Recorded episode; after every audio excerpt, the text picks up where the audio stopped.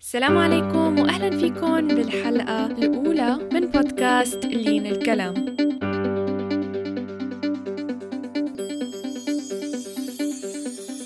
أنا لينا قدماني مقدمة هاي البودكاست يلي بنستضيف فيها ناس من مختلف المجالات لنتعرف عليهم ونتعلم من خبراتهم ونكتشف أسرار نجاحهم ضيفتنا لليوم بنان بكار. لا تنسوا تتابعونا على مواقع التواصل الاجتماعي وتستمعوا لآخر الحلقات عن طريق الساوند كلاود والآيتونز أو عن طريق الموقع لين الكلام dot com. وهلأ لنبدأ بالحلقة. أهلا فيكم لحلقة جديدة من بودكاست لين الكلام اليوم ضيفتنا مميزة جدا مدربة الحياة بنان بكار. أهلا وسهلا فيكي بنان. أهلين لين هلا. ضيفتنا لليوم هي مدربة موارد بشرية وتطوير شخصي ومؤسسي متحدثة بتدكس أخذ الماجستير تبعها بإدارة الأعمال من الجامعة الأمريكية من الشارقة. بتقدم برامج وورشات عمل آه، عن العديد من المواضيع منها القيادة بناء فريق العمل مهارات التأثير والذكاء العاطفي وغيرها. شرف كتير إنك تكوني معنا اليوم. تسلمي لين الشرف إلي. شكرا. أهلا وسهلا. شكرا لأنك صبرتي علي مشكلة النت والسكايب. مو طبيعية. لا لا أبدا أبدا أكيد مو مشكلة أبدا. فنحن ما كتير بنسمع عن ناس بيشتغلوا بمجال عملك ففيكي تعرفينا أكتر عنه وشو اللي دفعك لتتخصصي بهيدا المجال؟ هو الموضوع بدأ لين من من شغف. أه أنا كنت عم بدرس ترجمة بجامعة الأمير سلطان بالرياض. وما كنت عم لاقي حالي كتير فيه. كنت عم حس إني عندي ما بعرف عندي رسالة بالحياة أكبر من هيك أو عندي قدرات يمكن بشي مختلف. فالشي اللي عملته إني حاولت اكتشف حالي. كنت بعرف إني إنه عندي مهارة بالخطابة يعني بعرف هذا الشي من أنا وصغيرة. بس هذا الشي ما كان بكفي. كان بدي اكتشف مجال أقدر فعلا أعمل فيه فرق للناس. فالشي اللي عملته إني بحثت عن مواضيع بحبها. أول موضوع بحثت عنه كان الذكاء العاطفي.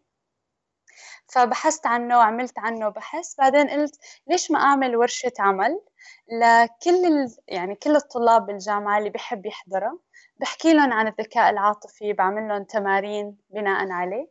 فهذا الشيء فعلا صار. آه، نظمت ورشة عمل آه، كاملة لحالي عن الذكاء العاطفي. وبعدين من هون لقيت ال... لقيت فعلا شغفي. يعني لقيت إنه شيء أنا شاطرة فيه شيء ممكن أعمل فيه فرق كتير كبير للناس. وحاولت أدور إنه كيف ممكن هذا الشغف حوله لمهنة. يعني فعلا إني إني أثبت من حال حال من من خلال حالي وإني أعمل فرق للناس. بعدين اكتشفت إنه في مهنة اسمها إني أكون مدربة وإني أكون مدربة مهارات بالشركات خاصة.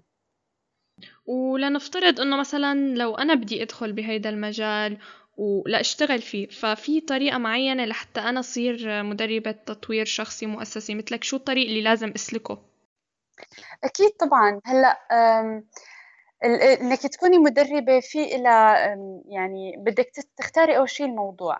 فمثلا في في ناس بتدرب بمهارات الحياة ففي مثلا شهادات معينة ممكن تاخديها مثل شهادة إعداد مدرب. فهي الشهادة مثلا بتقدمها كثير مؤسسات بتهيئك إنك تكوني مدربة بتعطيك المهارات اللازمة إنك تكوني مدربة. أو مدرب. مثلا إنك تكوني مختصة بمجال معين هلأ أنا أخذت ماجستير إدارة أعمال آه، أخذت المواد الاختيارية كلياتها موارد بشرية. فشوي عملت لحالي تخصص بالموارد البشرية. الناس مثلا اللي خلفيتها علم نفس بيكون شيء رائع لأنه هذا الشيء كتير مفيد بالتدريب. فعلى حسب خلفيتك بتضيفي الشهادات اللازمة لها فإذا كان معك مثلا علم نفس بتاخدي شوية شهادات بإدارة الأعمال. إذا حابة تدخلي بالشركات. إذا حابة تكوني مدربة آه، للناس بشكل عام مثلا تاخدي شهادات إلى علاقة بالكوتشنج إلى علاقة بتوجيه الحياة. فهو كتير مهم إنه الواحد يكون عنده شهادة بتأهله إنه يكون مدرب وشهادة باختصاصه اللي رح يدرب فيه. فمثلا شو الشهادات اللي عندك إياها؟ آه، مثلا أنا أخذت ماجستير إدارة أعمال لأنه يعني كان شيء كتير مهم إني أفهم تماما طبيعة الشركات والتفكير الاستراتيجي تبع الشركات. بعدين اشتغلت مدربة لمدة سنتين ونص بشركة استشارات. فطبعا بقلب هاي الشركة أخذت شهادة إعداد المدرب أخذت شهادة تطوير الأداء بالذكاء العاطفي أخذت دبلومة بالتعليم والتطوير اسمها سي آي بي دي سي اي بي دي واحدة من يعني من أعرق المؤسسات اللي بتعطي دبلومات بالموارد البشرية وبالتطوير. فأخذت هذا الدبلوم وبعدين أخذت شهادة موجه حياة. آه، الشهادة أخذتها من مؤسسة اسمها CTI مؤسسة أمريكية. كتير مؤسسة راقية مشهورة بتوجيه الحياة. فعندهم برنامج شهادة إذا دخلتي هذا البرنامج بيعدوكي إنك تكوني موجهة حياة. طبعا هي البرنامج له levels فكل مرة بتنتقلي من مستوى لتاني بيأهلك إنك تعملي coaching لناس مستواهم أعلى. مثلا إذا أخذتي أول مستوى ممكن تعملي توجيه حياة لموظفين مثلا من آه، مثلا مبتدئين بس إذا أخذتي ثالث ليفل ممكن تعملي توجيه حياة لرؤساء شركات. من خلال مهنتك وخبرتك و آه، شو بتنصحي الشباب بالطريقة الأمثل أو الخطوات يلي ممكن يتخذوها ليحددوا أهدافهم ويحققوها؟ هلأ الهدف يعني الهدف موجود بس لحتى يدلنا على الطريق. يعني الهدف ما له هدف بحد ذاته. دائما بيكون في عنا أهداف صغيرة بنعملها لحتى نوصل لهدف أكبر. وهذا الهدف الأكبر بدنا نوصل له لحتى يوصل لهدف أكبر. فدائما الأهداف اللي واضح طريقة مثلا أنا ليش بدي أدرس بهي الجامعة؟ أنا ليش بدي أشتغل بهي الشركة؟ أنا ليش بدي أختص بهذا الاختصاص؟ دائما لازم يكون في هدف نحن عم نسعى له أكبر. والهدف النهائي اللي كتير كبير هو أني أحقق دوري بهي الحياة. فإذا أنا كل أهدافي عم بتصب بالنهاية برسالتي بالحياة بلاقي حالي عم بمشي بطريق متوازن. تمام؟ فمثلا واحدة من أوراق العمل اللي أنا عملتها اللي بتساعد بتساعد الشباب إن إن إن تحقق أهدافها. آه هي الورقة آه فيها يعني أنا رح أبعت لك إياها لين مشان تحطيها تكون أي حدا حابب يحملها أو حابب يستخدمها. يعني أنا كتير هذا الشيء بيساعدني. فيها تقريبا ثمان خطوات فيها ثمان خطوات كيف تحددي وتدوني أهدافك. بتحبي أشرح لك إياها؟ إيه أكيد. تمام.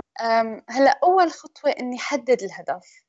حدد الهدف يعني أعمل هدفي جدا محدد بالنسبة لي فنحن لما بنقول أهداف عامة مثل إني أكون صحي أكثر أو إني أتفوق بعملي هي أهداف جدا عامة ما بنكون عم نعملها محددة. فكيف بعمل الهدف محدد؟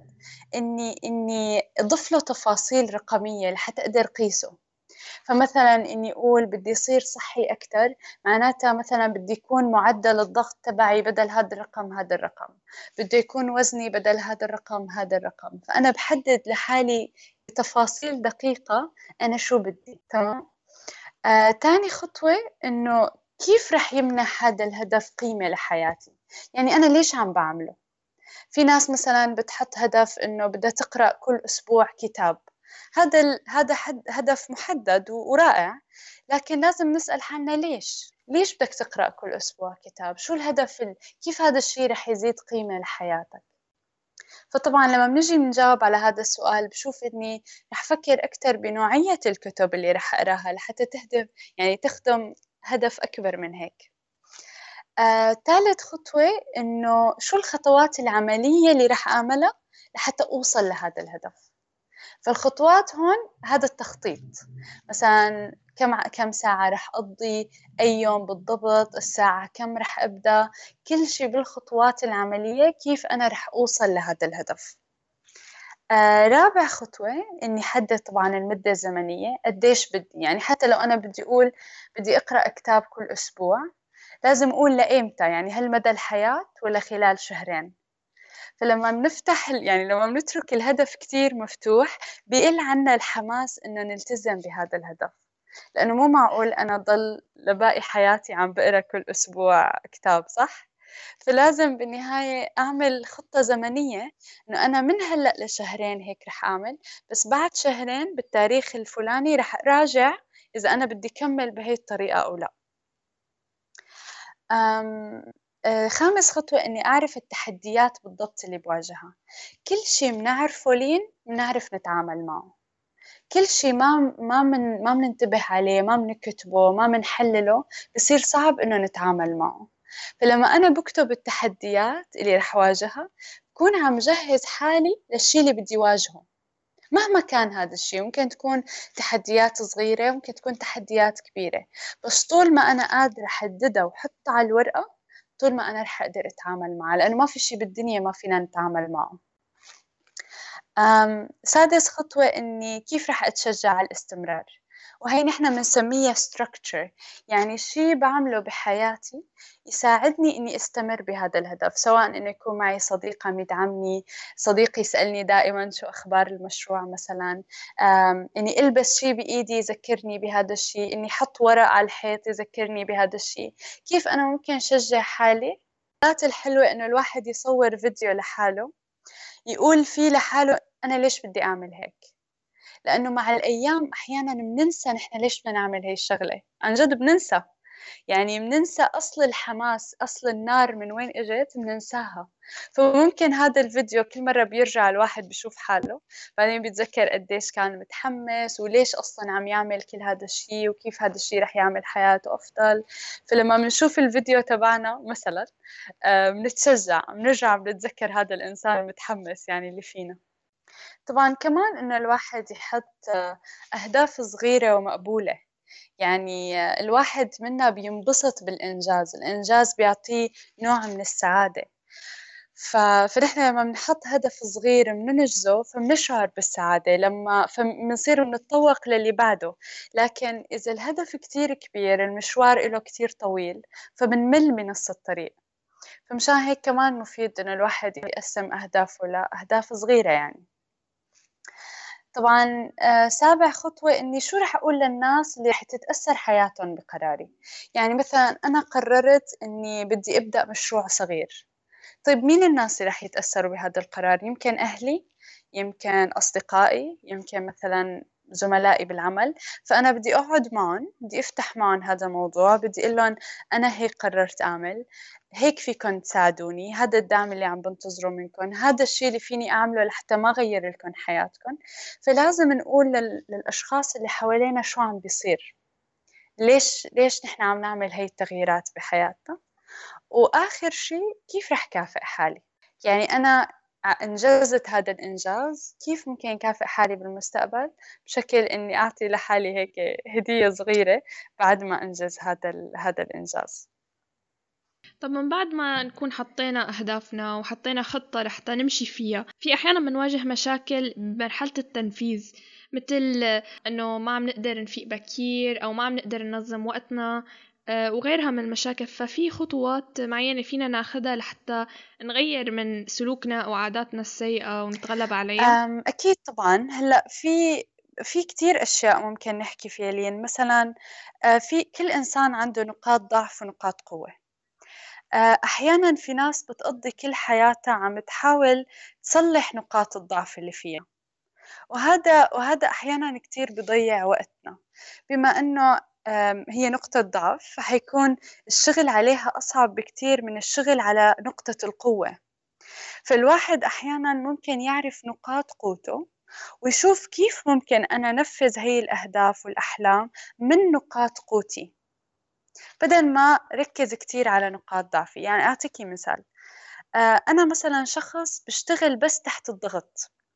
يعني أنا إذا عندي ديدلاين بشتغل مثل الآلة. يعني مستوى تركيزي بيزيد خلص يعني بحس بالضغط فهذا الضغط بخليني مبدعة أكتر بخليني شاطرة أكتر بخليني متحمسة أكتر.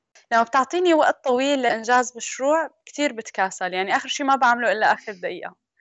طبعا قضيت كتير سنوات من حياتي عم حاول حارب هذا الشيء وإنه أقول لحالي لازم أنا أصير منظمة لازم أنا أصير أشتغل قبل بوقت.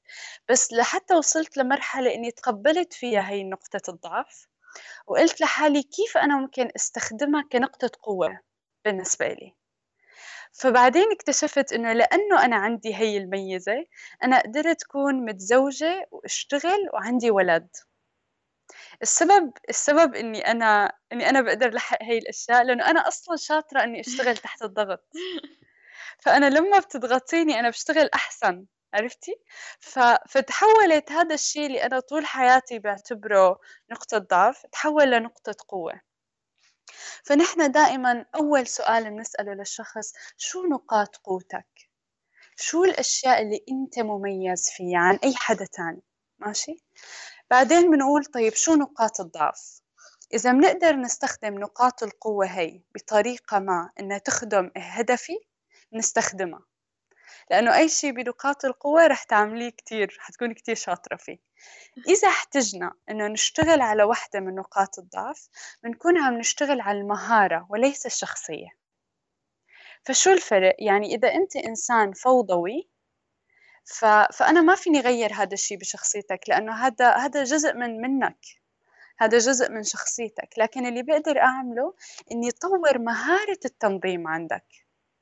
إنك تكتسب مهارة كيف ممكن أنا أصير بتكنيكات تقنيات معينة منظم أكثر بدون ما أغير مين أنا. فكثير من الناس بيقضوا وقت طويل عم بيحاربوا حالهم عم بيحاربوا سمات من شخصيتهم وبيضيعوا وقت على هذا الشيء. بس إذا الواحد ركز على نقاط قوته كيف ممكن يخدم حاله من هي النقاط وكيف يضيف لحاله مهارات هيك حلوة وصغيرة تساعده بهي الحياة إنه يصير كتير مميز. وطبعا العكس في ناس أنا بعرفهم ما بيشتغلوا إلا لما يكونوا مرتاحين قبل بوقت ما مضغوطين. إذا متى ما انضغطوا خلص ما بيقعدوا بيشتغلوا أبدا. تمام تمام. فالواحد لما بيعرف حاله كتير منيح بيعرف يزبط حياته على هذا الأساس. صحيح. وكمان مشكلة تانية نحنا بنعاني منها وبحس كمان خصوصا مع إنه هلأ صرنا بعصر التكنولوجيا وعنا ال short attention span اللي هي عدم قدرتنا على إنه نركز لفترة طويلة بسبب ال distractions آه الشي اللي عم يلهينا ويشتتنا باستمرار. فكيف فينا نحافظ على تركيزنا؟ فيكي تعطي نصائح عملية للشباب لحتى يقدروا يحافظوا على تركيزهم؟ تمام. هلأ طبعا كنصائح عامة إنه الإنسان يعرف حاله هو شاطر لما بيكون مثلا بالنهار ولا بالليل. فمثلا الابتعاد عن ال social media كحل قاطع يعني ما له حل لأنه بالنهاية هذا جزء من حياتنا. لكن إذا أنا بعرف إمتى الأوقات من اليوم اللي أنا جدا منتج فيها فأنا بحفظ هاي الأوقات للعمل الجاد. فأنا إذا قلت لحالي أنا إنسان منتج بالصباح فأنا بقول لحالي أنا عندي خمس ست ساعات الصبح أنا ما بقرب على أي شيء له علاقة مثلا بال social media أو له علاقة بالمواقع أو له علاقة باليوتيوب. أي شيء ممكن يشتت انتباهي أنا تماما بمنعه بهي الست سبع ساعات اللي أنا بعز إنتاجي. هلأ الساعات اللي أنا بعرف إني أنا بهدى فيها أو أنا يعني صعب إني إنتج فيها هي الساعات اللي بنقول طب اعمل فيها المهمات؟ اللي بتكون تحتاج أقل قدر من التركيز. آه، مثل إنك مثلا تتصفح ال social media مثل إنك آه، تقرأ أخبار أو تشوف مواقع يوتيوب أو هيك شيء. الشيء الثاني إنه دائما نسأل حالنا نحن ليش عم نعمل هيك؟ يعني مين الناس اللي أنا عم تابعهم؟ أنا ليش أصلا عم أقضي كل هذا الوقت؟ شو شو الشيء اللي عم بطلع منه من تمضية هذا الوقت؟ فكمان إنه الواحد ينتبه كتير منيح هو لمين عم يقرأ ومين عم يتابع لأنه هاي طاقة عم عم يعني بالنهاية عم تاخدها منا هاي المواقع وطاقة عم عم تستهلك تركيزنا فعلى الأقل حتى لما بده شيء يستهلك تركيزي لازم أعرف شو الهدف من وراه ليش أنا عم بعمل هيك؟ ف... فمثلا هي واحدة من الحلول. في حلول مثلا قطعية. يعني مثلا في كتير applications ممكن الواحد يحملها على الجوال أو على اللابتوب. أنت بتقولي له لل application أنا بدي ركز من هي الساعة لهي الساعة. فهذا ال application بيعمل disable أو بيوقف كل المواقع اللي أنت ممكن يعني تروحي تفتحيها ويصير عندك تشتت انتباه. فإذا الواحد ما عنده قدرة من الداخل إنه يتحكم يجيب شغلات تتحكم فيه. يعني يجيب مواقع يجيب ابلكيشنز تساعده إنه يركز إنه ما ما ما يلتهى بهي الساعات اللي هي أصلا ساعات إنتاج آه، كتير كتير مفيدة. آه، طب فيكي تعطينا نموذج عن حياتك اليومية وكيف بتديري وقتك خلال اليوم؟ آه، تمام. رح أقول لك يوم بحياتي. فأنا أنا في كتير بكير. أنا في حوالي الساعة سبعة. آه بتجهز بجهز ابني منار. آه هو هلأ عمره سنة وتسع شهور. ما شاء الله. أنا اخترت له اخترت له حضانة موجودة جوا نادي رياضي. فبروح بوصله على الحضانة. بعدين بلعب رياضة تقريبا ساعة ونص. آه، أغلب الأحيان نص ساعة بتكون boxing أنا كثير بحب ال boxing آه، فبلعب ساعة ونص. بعدين في بنفس المكان جنب حضانة منار قهوة. مشان كمان نكون قريبة منه. فبقعد بشتغل بالقهوة كل يوم من ثلاث لأربع ساعات.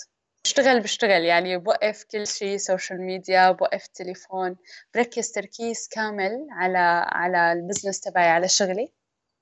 ومقسمة وقتي. يعني بقول لحالي يوم الأحد هيك رح أعمل يوم الاثنين هيك رح أعمل. كل اثنين أول شهر هيك بعمل. فيعني كل يوم أنا عندي بالضبط لائحة لازم أشياء أعملها بهذا اليوم. بخلص بعدين بروح باخذ منار. عادة باخده شوي على الحديقة لأنه هلأ الأجواء كتير حلوة بدبي. أه أحيانا بشوف حدا من الرفقات فتقريبا من الساعة تنتين للساعة ستة تماما كله لمنار ابني. أه بلعبه باخده عند رفقاته بعمل له اكتيفيتيز بعدين الساعة ستة بقرأ له قصة بنيمه الساعة ثمانية وبعدين بعد الساعة ثمانية أحيانا بقرأ لأنه بكون أصلا مرهقة يعني ماني قدرانة أعمل شيء فيه إنتاج كبير فبقرأ أو بشوف رفقاتي. آه، أحيانا بجهز أشياء لتاني يوم إذا عندي training أو عندي coaching بس عادة بعمله وقت للقراءة. يعني كتير كتير بحب هذا الوقت الهدوء إنه يكون وقت لتثقيف حالي يعني. وبنام بكير. أنا إنسانة كتير بنام بكير ما ما بسهر. فهذا تقريبا يعني اليوم اليوم الروتيني بحياتي. إذا طبعا ما عندي شغل إذا ما عندي تريننج شكرا لك بنان. وهلأ رح ننتقل لفقرة الأسئلة السريعة. بهالفقرة رح أسألك أسئلة والأجوبة رح تكون مختصرة أكثر من الفقرة اللي قبلها. فأول سؤال مين هو الشخص يلي كان له تأثير كبير بحياتك وليش؟ آه بابا. آه من الأشخاص اللي كتير أثروا بحياتي بابا اسمه عبد الكريم بكار آه ليش؟ لأنه كان دائما إنسان صاحب رسالة دائما دائما بده يعمل فرق ودائما دائما عنده هم بده بده بده شايله بده يحقق هي الرسالة ما شاء الله الله يخلي لك إياه وتاني سؤال آه، شو هي أفضل نصيحة تلقيتيها بحياتك؟ أفضل نصيحة لقيتها بحياتي إني خوض تجارب كثيرة مرة بتذكر حدا رحت لعند وحدة بالجامعة قلت لها أنا كيف بدي كيف بدي أكتشف شغفي؟ كيف بدي أكتشف الأشياء اللي أنا بحبها؟ فقالت لي خوضي تجارب اعملي كتير أشياء بحياتك. هي التجارب رح تعلمك رح تدلك على شغفك. فكانت هي يعني من أروع النصائح. أه مقولة أو مبدأ بتعيشي فيه أو بتآمني فيه. مبدأ بآمن فيه إنه نحن موجودين على هاي الأرض للإعمار وإنه كل إنسان بهاي الدنيا له دور بإعمار هاي الأرض. أه، أكتر ثلاث كتب أه، مفضلة بالنسبة إليك وبتنصحي مستمعينا يقروها. تمام. في كتاب اسمه آه، من حرك قطعة الجبنة آه هذا من الكتب الجميلة اللي كتير حلوة عن التغيير. في كتاب آه كتير أثر بحياتي اللي هو كيف تؤثر بالآخرين. كنت محتاجة هذا الكتاب آه يعني ببداياتي. آه، ثالث كتاب صح عندي كتير كتب ببالي. ثالث كتاب اسمه خواطر للشيخ علي الطنطاوي. آه، يعني هذا من الكتب الرائعة اللي أنا كتير حبيتها وكتير كتير استمتعت فيها. في عندك أي تطبيقات أو online sources بتنصحي مستمعينا يستخدموها؟ بنصح كثير الناس إنهم يسمعوا آه، محاضرات مختلفة على اليوتيوب يعني اليوتيوب هلأ من من أثرى المواقع آه، فطبعا فيه كل شيء بالدنيا فأنا كتير كتير بعتمد عليه إني أسمع عن أي موضوع بحبه عن عن ناس حقيقي. في ناس معينين بتسمعي لهم؟ أنا بسمع لكتير كتير كتير ناس يعني بسمع بالأمور الدينية بسمع لناس بالأمور يعني بالذات بعملي بمهنتي. بعرف ناس معينين بيهموني كتير بسمعهم بشوفهم بشوف آخر أشياء بيقولوها.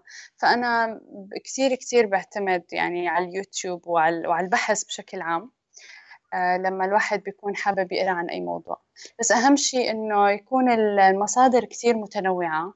لأنه ما حدا بيعرف يعني صحة بالنهاية المصدر فالواحد لما بيكون عنده مصادر كتير متنوعة عن موضوع معين بيقدر يعرف بالضبط مصادر الأشياء وصحتها ويتحقق منها.